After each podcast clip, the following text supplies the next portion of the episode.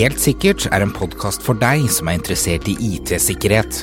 Her tar vi opp aktuelle nyheter, diskuterer dagens sikkerhetsutfordringer og deler gode råd på hva du bør tenke på rundt sikkerhet.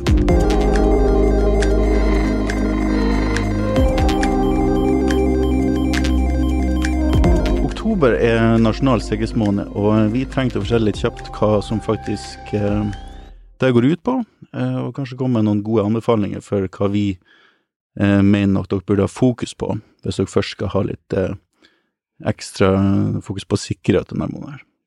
Velkommen til Helt sikkert. Mitt navn er Espen. Mitt navn er Alexander.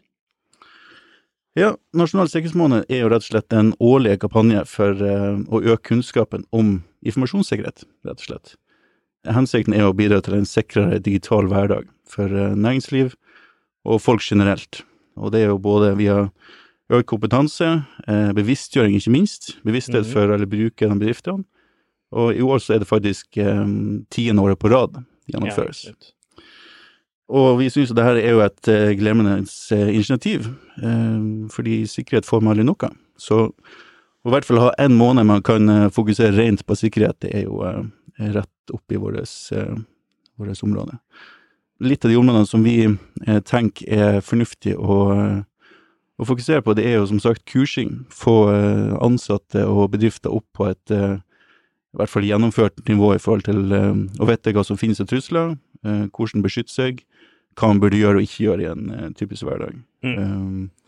Utbedring av løsninger, altså eksisterende infrastruktur, software og, og ting man bruker i hverdagen, få de opp på en, på en fornuftig nivå, og kanskje implementere nye løsninger hvis man har eh, muligheten for det.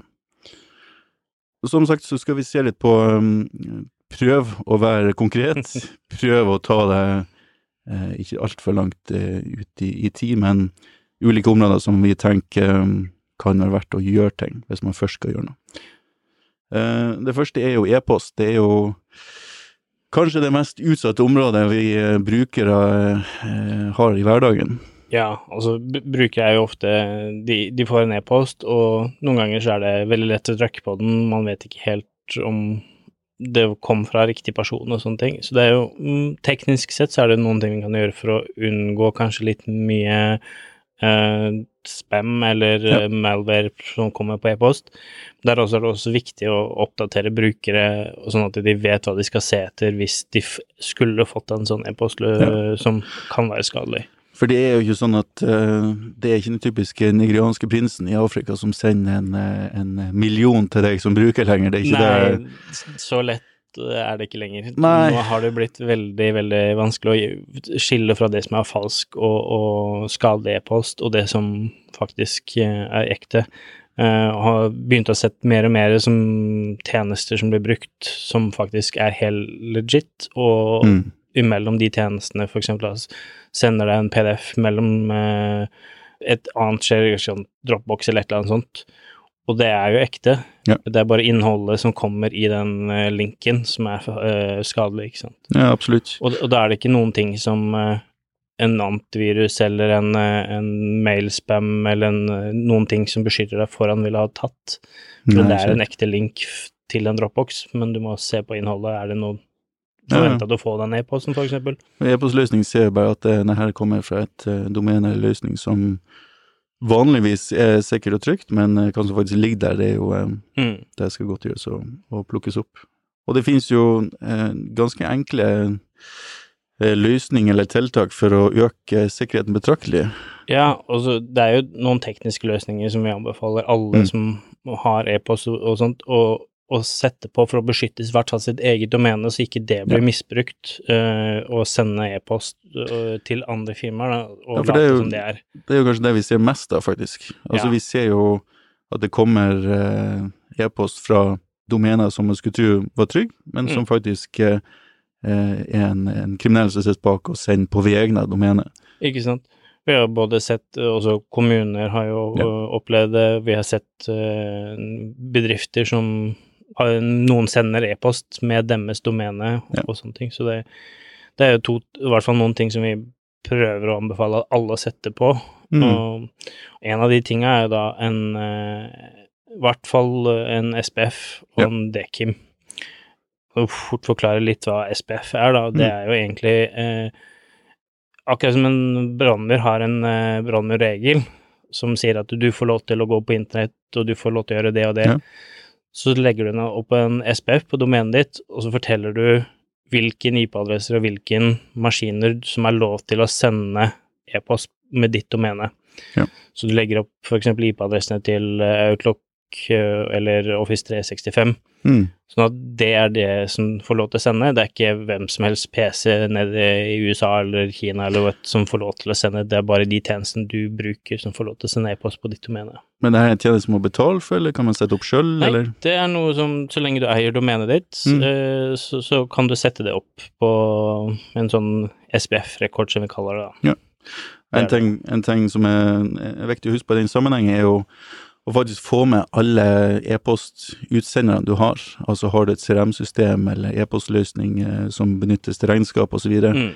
de må inn i den eh, lista, som det heter på, på SPF-en. Ja. Hvis de ikke er der, så kan de bli detekta som, eh, som spam og ikke komme fram til Ja, så da sant, har du en utsendertjeneste, en CRM, mail, ikke sant, alt det må inn, og det Ja.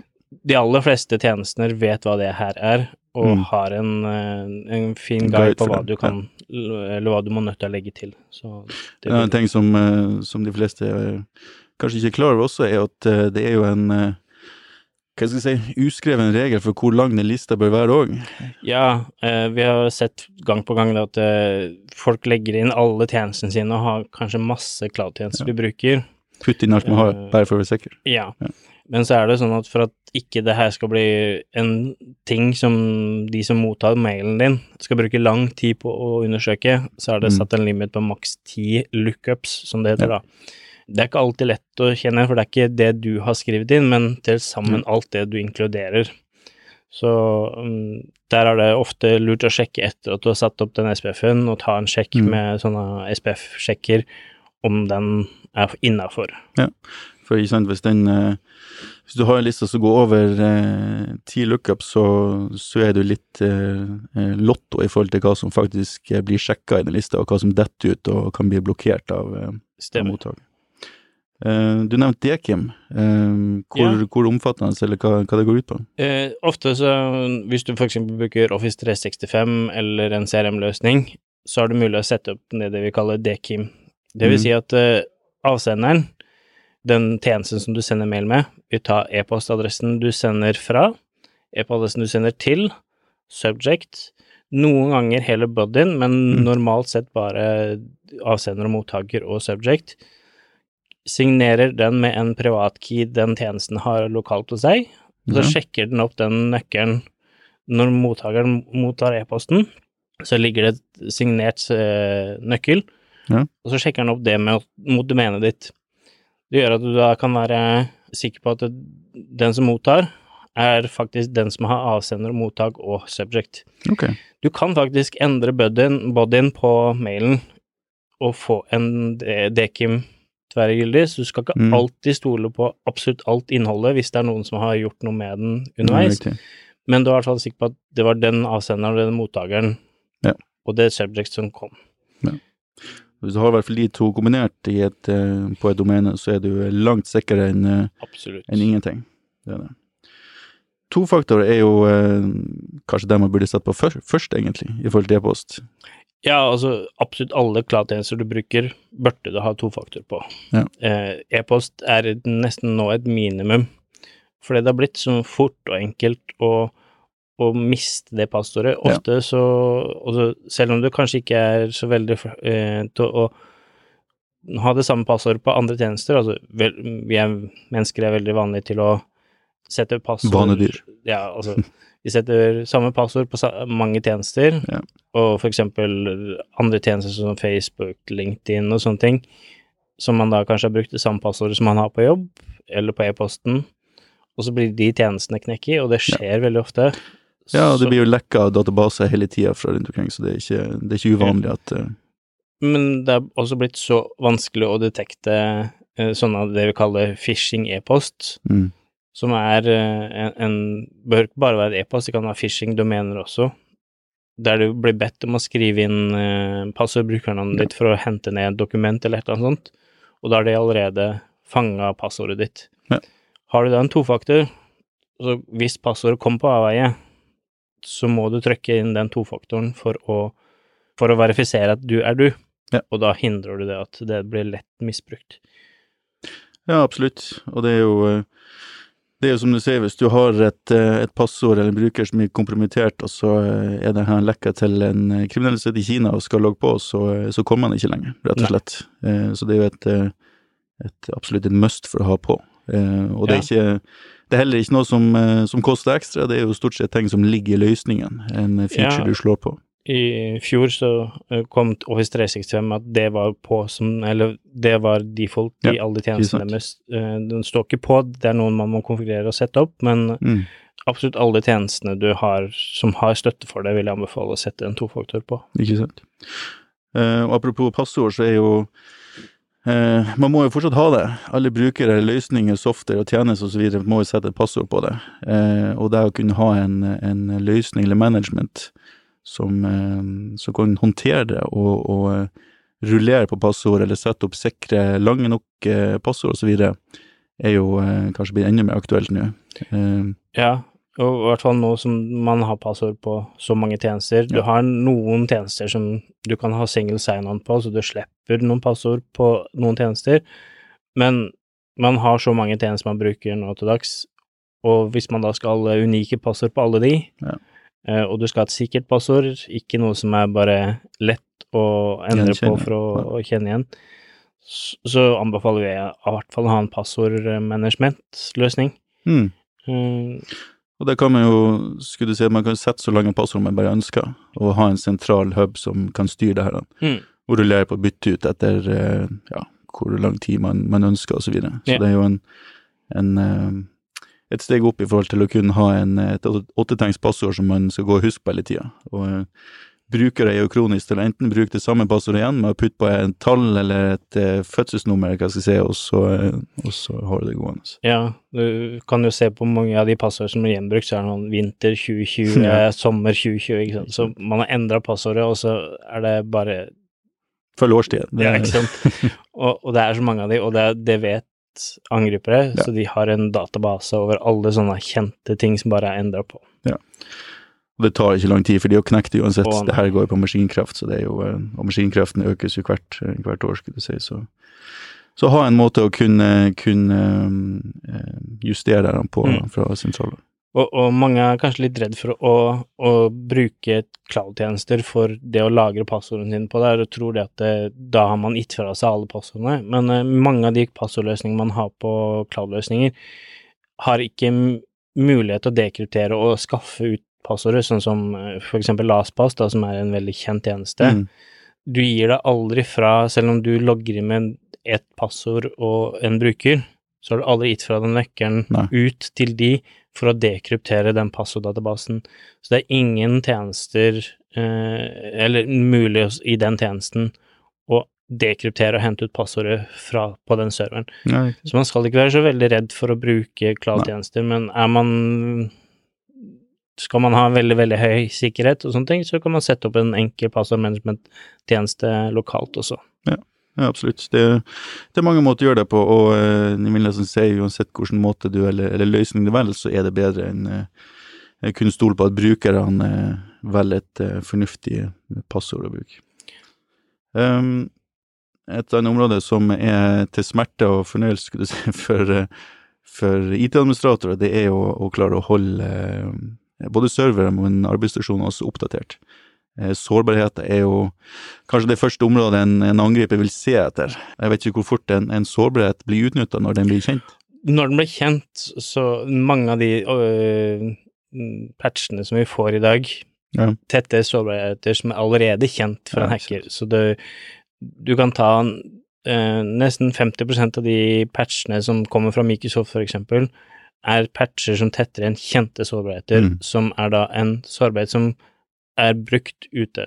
Så det er allerede hackere og, og sånne ting som vet hvordan de skal utnytte den tjenesten, og gjør det aktivt. Så allerede før du har fått en patch, så er sår, den Ja. sårbarheten kjent.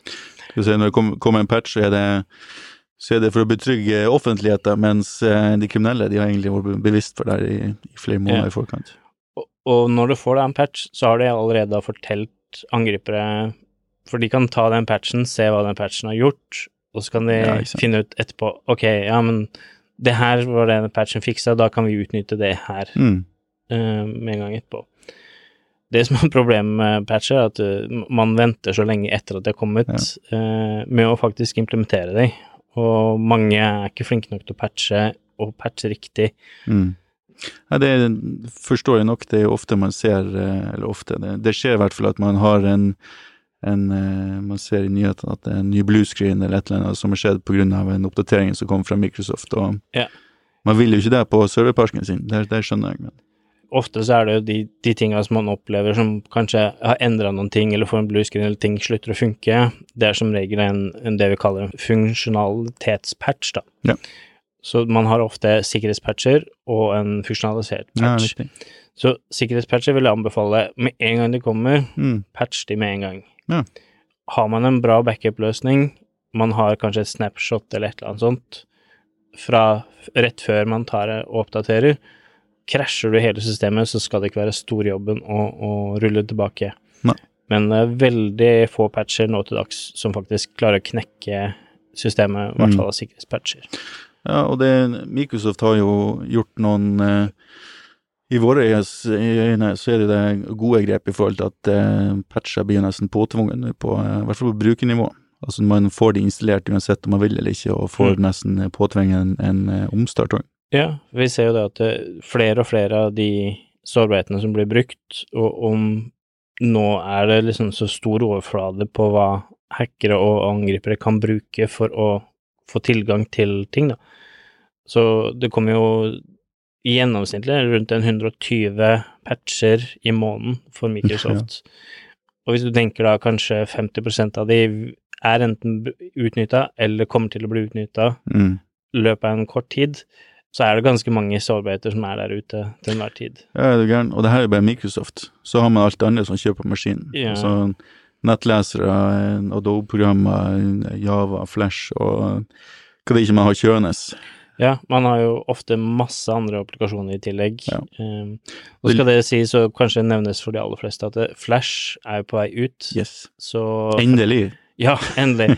uh, så fra 1. januar så kommer ikke Flash til å bli sikkerhetsoppdatert, og Flash har vært veldig kjent for å komme med masse sikkerhetspatcher, fordi Mm. det har hatt masse eh, problemer med sårbarheter. Så har du Flash i systemet ditt fortsatt i dag, så anbefaler jeg absolutt på det sterkeste å avinstallere det eh, snarest, og finne ut hvilke tjenester man bruker som er avhengig av det, og få avvikla de så fort som mulig. Fra, for, fra 1. januar Mm. neste år, så vil det, ja, for de aller fleste være et stort sikkerhetshull å fortsette Ja, med. Flash.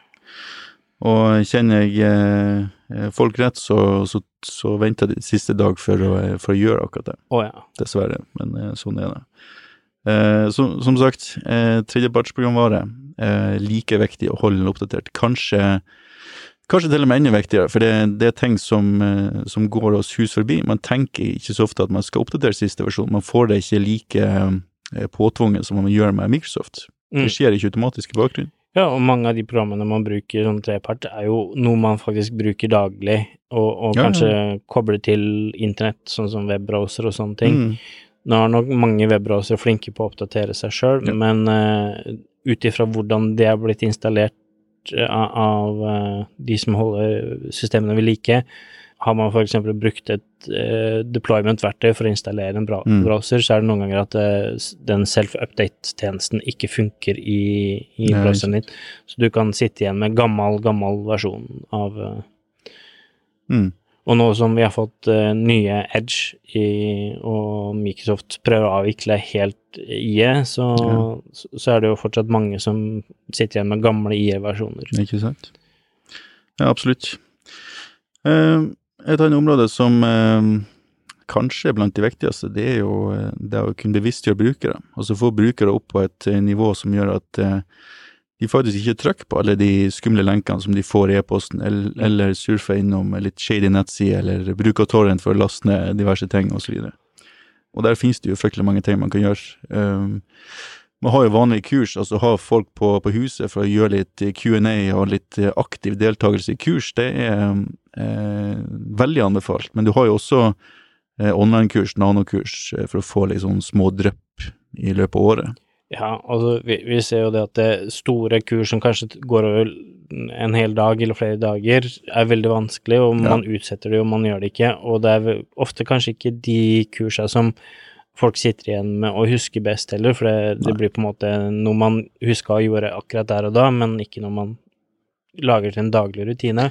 Absolutt, og det er stor kostnad for bedriften å ta ut en hel uh, arbeidsflokk i det. Så en, en, en, på en måte en, en, sånn som du kaller det, en nano-learning, mm. eller en uh, sånn online trening når det trengs, og i hvert fall være flink på det når man får nyansatte, og informere ja. de tidlig på det her. Det bør jo nesten være i kontrakten. Altså Når du eh, tiltrer stilling, så skal du faktisk gå gjennom en, en opplæring på sikkerhet.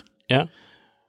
For det, de aller fleste tilfellene av et vellykket angrep er at man har enten lurt eller fått til at en eller annen bruker på innsiden har gjort en ting, sånn at en ja. angriper kommer på innsiden. Det starter på innsida. Det er stort sett det det gjør. Ja, altså angrip fra, fra, internett og rett inn på bedriften uten at man har vært innom en bruker i dag, det er veldig sjelden. Ja. Da, da, har man på en måte putta en tjeneste på internett uten å patche den i det hele tatt. Eh, Skjer det òg, men uh... ja. men, men mer og mer så kommer angrip uh, fra innsiden, og da mm. mellom en bruker som har blitt lurt, eller uh, gjør noe ondt fra innsiden. Ikke sant, ikke sant. Og så finnes det jo uh, ulike phishing-test eller løsninger hvor man kan sende type phishing-e-poster til, til, sine ansatte. Se om de klikker på, hvor de klikker på, skal du se hva som faktisk gjør at de blir lurt. og som også gjerne har sånn inkorporert treningsmoduler i det også, så de kan faktisk få en, en læringsbit ut av det. Mm. Og det, er jo en grei måte å måle og, og, kanskje få inn de rutinene på at man skal se etter ting. Mm. Eh, for det er veldig enkelt å, å, når du blir spurt etter hva skal jeg se etter, og kanskje svare, men eh, når man gjør det her til daglig og, og Kanskje man har det litt travelt for man skulle bare gjøre en ting, så er det veldig lett å trekke uten å tenke seg om. Men ja, ja. hvis man får det litt inn som en rutine, at man må alltid skal være på vakt, så Ja, absolutt. Det er jo ikke for å henge ut at man, man bruker en tjeneste, men det er jo Altså Hvis brukerne vet, gjerne informer dem om at uh, vi benytter phishing-tester i, uh, i, det vanlige, altså ukentlig, månedlig eller kvartalsvis, eller hva det skal være for noe, så, så er det litt ekstra på vakt, og det skader jo ikke i forhold til å være på vakt mot reelle trusler. Nei, jo... og ofte det det ender med, at uh, brukerne er da også på vakt, at de, de vil ofte spørre uh, når hvis de ser en e-post ja. som, som, kan være litt shady, så vil de ofte kanskje gå og spørre uh, Jeg fikk en e-post som så litt rar ut, er den her ekte, eller er mm. det en phishing, eller hva, hva, hva er det Absolutt, og, og, hvis du har brukere som er uheldige å ha trykt på noe, og, og kommer til å si at eh, jeg, jeg, tror jeg var uheldig å trykte på en, på en phishing-e-post, jeg tror til og med jeg, jeg skrev inn passordet mitt, eh, så er det desto viktigere å ikke henge de ut, ikke ja. kjeft på de. Nei, det, så er det glimrende du kom til meg med, med, med problemet, så, så, får vi løst det. Ja. Og for oss så hører vi om det her kanskje ukentlig eller månedlig, at mm. det skjer med brukere, så, så, det er ikke noe som er Og, og sånn som e-posten har blitt i dag, med, med hvordan sånne phishing-e-poster er, så er det nesten umulig, selv for en spesialist, å se ordentlige forskjeller. Du skal være ja, veldig på vakt. Det er, det er, problematisk for oss òg. Det, ja. det, er tidvis vi må sitte og, eh, og, grave litt i eh, metadataene skulle du se, og se hvor det faktisk eh, kommer fra, og, osv. for å kunne se. Ja. Så, vi har jo prata det her om litt tidligere i andre podkaster, men av det her med å bruke tegn som ser ut som andre tegn i ja. domenet. ikke sant? Så hvis jeg skulle sende fra Microsoft, så kanskje ville jeg brukt en ø, O som er fra et annet tegn og lagt inn. Et null, eller ja. Så, så, du ville ikke sett forskjell, du må bare Ja, og det, det største problemet egentlig er jo at uh, alle har jo e-post på telefonen. Og hvis du åpner telefonen og prøver å, uh, å, gjøre noen form for sjekk eller analyse på en e-post-telefon, det er helt umulig. Ja. Det, det, du ser der, det er det, det, er det du ser. Du mm. får ikke gjort så mye mer enn det. Så eh, eh, det er også en undervurdert risiko på, eh, på den fronten. Og sånne phishing-kampanjer har jo blitt sånn at de, de er så raske, så antivirusløsninger og, og Mm, browser og sånne ting, de, de klarer ikke å catche det med en gang. Så du Når man da alltid skal være online og tar og svarer på e-post og åpner linker og sånne ting, så, så er det ikke alltid beskyttelsestjenesten og andre ting Up date, er up to date og, og klarer å sperre det. Men eh, er man litt på vakt og vet at man, man skal ikke skrive inn et passord, i hvert fall eh, uten at man er sikker på hvor man skriver det inn hen, selv om det Mm. ligner på den, den vanlige Microsoft-passordmeldingen, eller kanskje fra Mm. Dropbox eller et eller annet sånt. Ja, ofte så står det jo kanskje også eh, lenkeadressen i e-posten. Eh, gå heller åpne et nytt vindu, og så skriv det manuelt. Mm. Så ser de om det faktisk er en reell henvendelse, eller eh, hva det skal være for noe. Stemmer. Så er du sikker. Og når det kommer til kvittering, så er jo eh, eh, Det er noe vi ser alle burde ha, ha på, skulle du si, men det er jo først og fremst på, på laptoper og mobiler og så. Eh, og der følger jo eh, Microsoft sin BitLocker med på de aller fleste. Ja, i hvert fall alle som kjører Microsoft-løsninger. Eh, Apple har også sin egen eh, krypteringsfunksjonalitet, og alle moderne mobiltelefoner har støtte for det. Så det er ingen grunn i dag til å ikke kryptere eh, mobile enheten sin, i hvert fall. Uh, og det som er viktig med det, er at det, når du da liksom, Du har en laptop med deg, Mm. hvis du da mister den, eller du skulle reise på fly eller et eller annet sånt, og noen får tak i den uten at du har kontroll, så tar det så kort tid for noen å kopiere ut den dataen som er essensiell, eller et eller annet sånt, og misbruke den. Ja, ikke sant. Og det, det er Altså, har de fått, tak i, i laptopen, så er det jo mm, veldig rask vei til å plukke ut eh, harddisken og, og eh, plugge den i sin egen og få hente ut alt man, man trenger.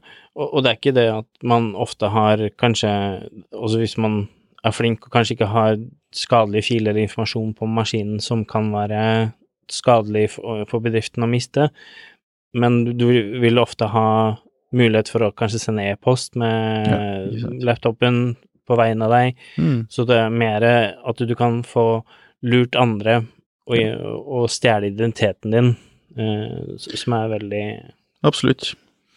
En annen ting som også man burde tenke på hvis man har eh, kommuniserer med andre bedrifter, eller, eller dele kanskje litt sensitive filer, om det er selv, selv om vi ikke skal gjøre det over e-post, eller eh, via eh, noen fileringstjeneste, det å også kunne kryptere enkeltfiler.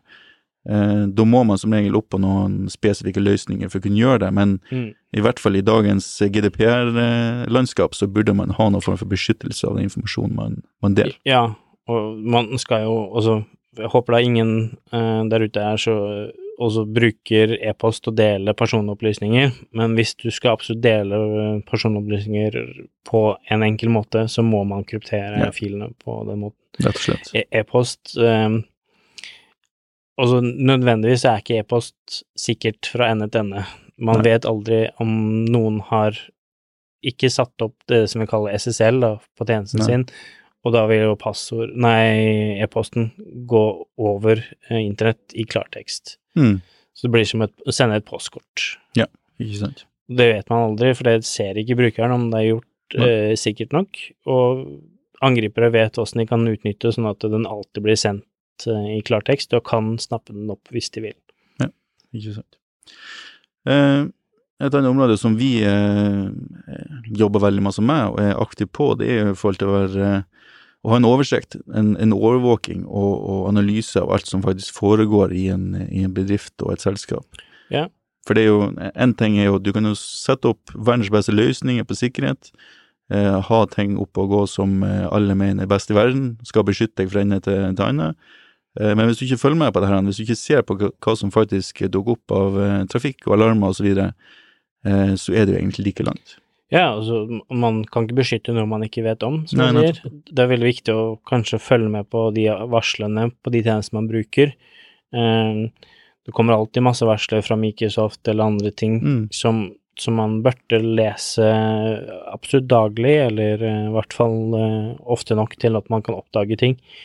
Finne ut av hvordan ting er, montrere både tjenester man bruker, og, og Mm. kanskje klientene, om det skjer noen ting på maskinene, eller nettverket man er på, så man vet at det, det man er, er man trygg.